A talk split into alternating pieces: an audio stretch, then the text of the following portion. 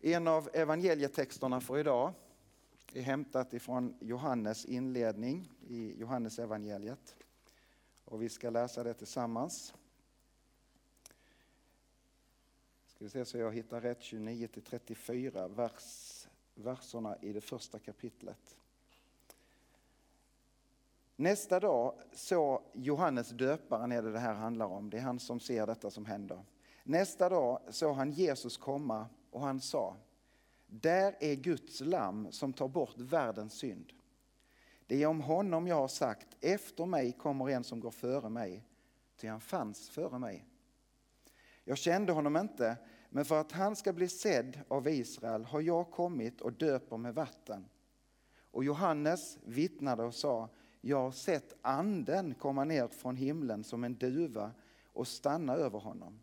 Jag kände honom inte, men han som sände mig att döpa med vatten sa till mig, den som du ser anden komma ner och stanna över, han är den som döper med helig ande. Jag har sett det och jag har vittnat om att han är Guds utvalde. Det dopet som vi fick vara med om idag, Veras dop, hänger jättetydligt ihop med den händelsen som vi läste precis nu. Ditt och mitt dop hänger väldigt tydligt ihop med Jesu dop. Och bara för att måla bilden något eh, så, så kan man ju tycka det är lite märkligt. Johannes döparen som var en av sin tids stora väckelsepredikanter. Eh, människor sökte sig till honom i stora mängder. Sökte sig ut i öknen, gick ner mot Jordandalen och kom fram till Jordans vatten där Johannes döparen predikade omvändelse. Han fick vara med och väcka folket på kanske ifrån ett liv där man någonstans hade liksom satt lite slentrian i sin tro till Gud eller vad det nu kan ha varit. Men människor kom dit med en önskan om att få göra en omkorrigering i livet. Att få, få ändra riktning och tydligare vända sitt liv mot Gud. Det var ett omvändelsedop från ett liv som inte var helt, fyllt av många bra grejer men också av många misslyckanden. Och så fick man vända om. Och det var ett, en omvändelse som också talade om syndernas förlåtelse. Och så kommer Jesus dit. Tränger sig kanske inte fram, men han kommer fram i, i folkskaran och ställer sig vid vattnet där. Och så ser Johannes döparen honom.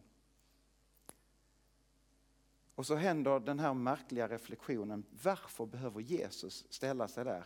För Johannes han reagerar på det här sättet, det är ju inte jag som behöver döpa dig, det är du som behöver döpa mig. Och så säger Jesus, nej, låt det här ske. För det här hänger ihop med rättfärdigheten. Och så ställer sig Jesus, kanske på knä i vattnet och låter sig begjutas av vatten. Och så händer detta som, som måste ha varit en fantastisk upplevelse för Johannes. Något som sätter prägel i hans liv. Han får se hur den helige ande liksom landar över Jesus, Jesus, i Jesus i form av en duva så att han ser det med sina ögon. Och så får han höra rösten ifrån himlen. Detta är min älskade son. Han är min utvalde. Detta är min älskade son. Han är min utvalde. Det måste varit helt fantastiskt. Och så säger Johannes att jag har hört rösten och jag har hört Gud fader tala om att han som kommer efter mig, han är mycket större. Han ska döpa er med helig ande och med eld. Jag är inte värdig att falla ner och knyta upp sandalerna på hans fötter, men ändå så får jag stå här och låta vatten flöda över hans huvud. Samtidigt så talar Bibeln tydligt om att Jesus han var som oss, men utan synd. Varför behövde han döpas i det här omvändelsedopet? En aspekt i det tänker jag är att Jesus så tydligt ställer sig på din och min sida, på mänsklighetens sida. Han identifierar sig med våra brister och våra misslyckanden och säger jag döper mig också i detta dopet för att det ska hänga ihop med Veras dop den 3 juni 2018. Det är häftigt. Vi får närma oss och jag tänker ni som föräldrar, ni har nu tagit ett beslut och er dotters vägnar. Och det gör man som förälder och det ska man göra. Och ni har tagit ett klokt beslut skulle jag säga, där ni vill närma er Gud med er dotter. Bära fram er skatt inför honom. Den riktningen, men så är det en annan riktning i dopet. Att Gud också närmar sig dig och mig i dopet. Vi får i dopet, kan man säga, löften eh, från Gud, från himlen. Och vi får också någonstans ana Guds vilja med våra liv i det här mötet. Vi har vattnet som det tydliga tecknet. Visst låter det rätt så gott? Vattnet som, som eh, är så mycket som vi blir påminda om nu, en symbol för liv. Livets möjligheter. Saknas vi vatten så har vi det väldigt, väldigt svårt. Men det står också där som en symbol för rening. Att man får tvätta sig ren. Och det sker i dopet. Jag tänker att Jesu dop blir ju inledningen på hans stora verksamhet som nådde sitt mål på korset när han dog. Det är där först Jesus säger, se det är fullbordat. Nu har jag nått fram. Och det hänger ihop. Dopets vatten och korset hänger väldigt tätt ihop. Vi kan läsa ifrån Romarbrevet 6, söndagens episteltext.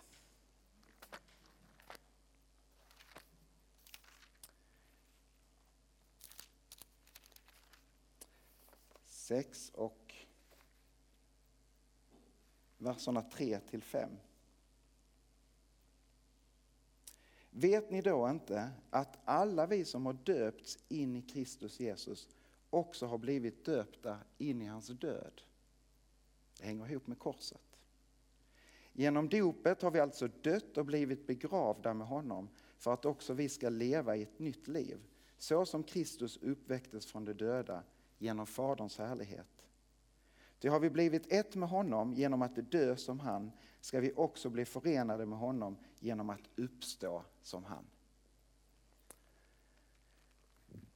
I dopet så gör vi den vandringen från död till liv. Det blir inte så tydligt när vi begjuter med vatten på huvudet. Det blir tydligare symboliskt när man, när man gör en nedsänkning i en dopgrav eller i ett hav och där man riktigt kommer under vattnet. Symboliskt för att jag dör med Kristus och så reser jag upp och jag får leva med honom. Men den är lika verklig och lika sann i detta dopet. Från död till liv. Så jag tänker, vattnet, det får vara löftet ifrån Jesus om ett evigt liv och om ett liv i förlåtelse. Sen har vi ljuset som ni ska få bära med er hem, dopljuset. Som är en påminnelse om Jesus som säger jag är världens ljus. Den som tror på mig ska inte vandra i mörkret utan ha livets ljus. Också ett löfte om att Jesus aldrig överger dig. Han går alltid vid din sida. Han är alltid där. Han vill vara ljuset i ditt liv. Jag tycker det är fantastiskt att liksom påminna sig om detta, att ljuset övervinner alltid mörkret.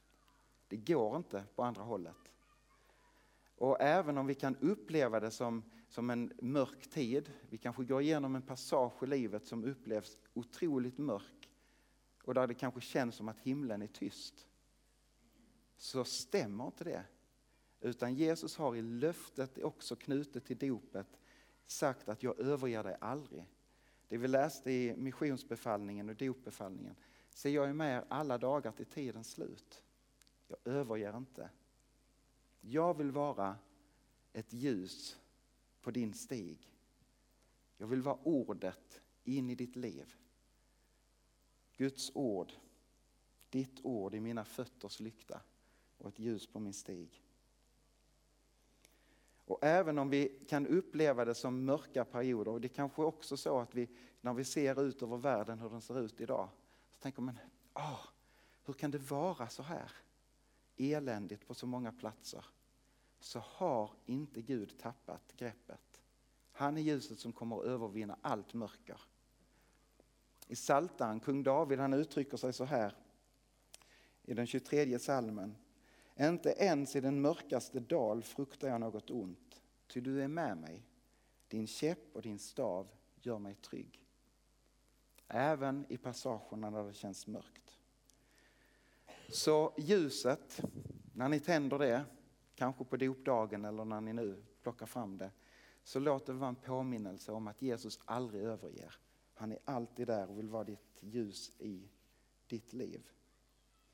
Sen har vi uppe på, på väggen också duvan som får stå som symbol för den helige Ande. Och vi har firat pingsten precis och påmint oss om den otroliga gåva det är där Gud ger av sig själv in i våra liv.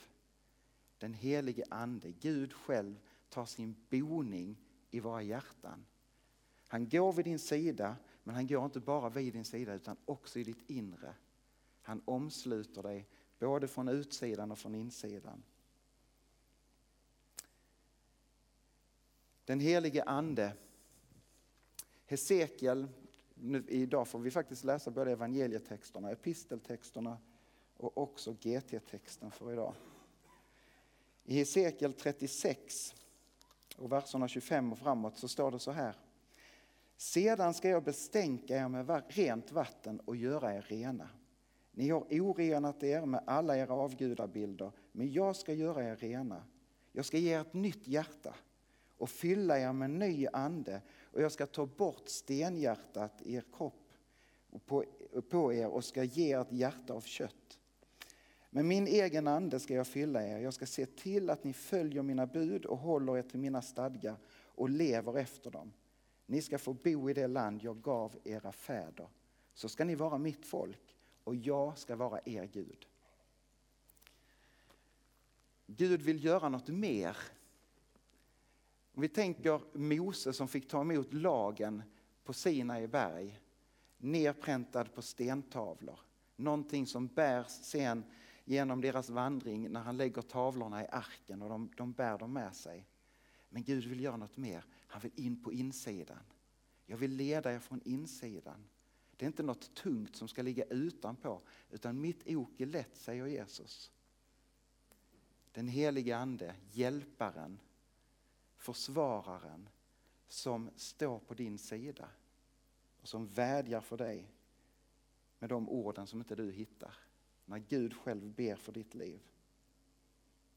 Det är något speciellt att få det på insidan. När jag reflekterar över det här bibelstället så kommer jag att tänka på när jag i tonåren skulle gå, jag säger jag skulle gå Skåneleden. Det låter ju liksom wow, det var bara en liten bit.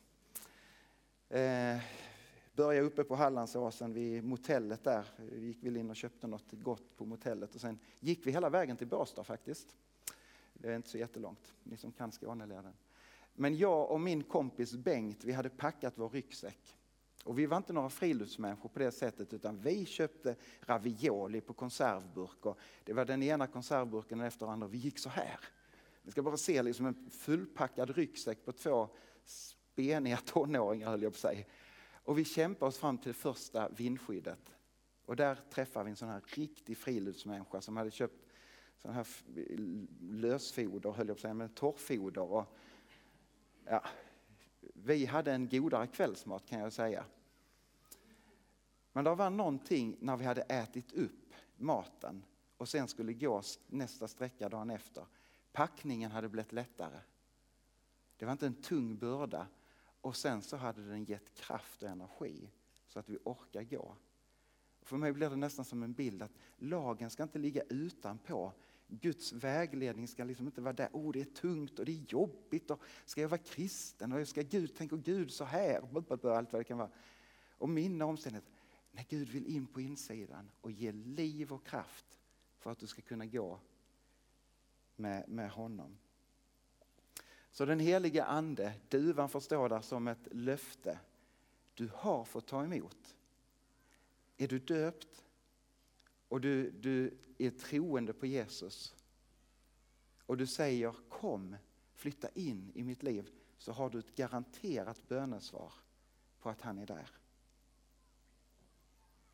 Sen till sist vill jag lyfta fram det här gamla passet.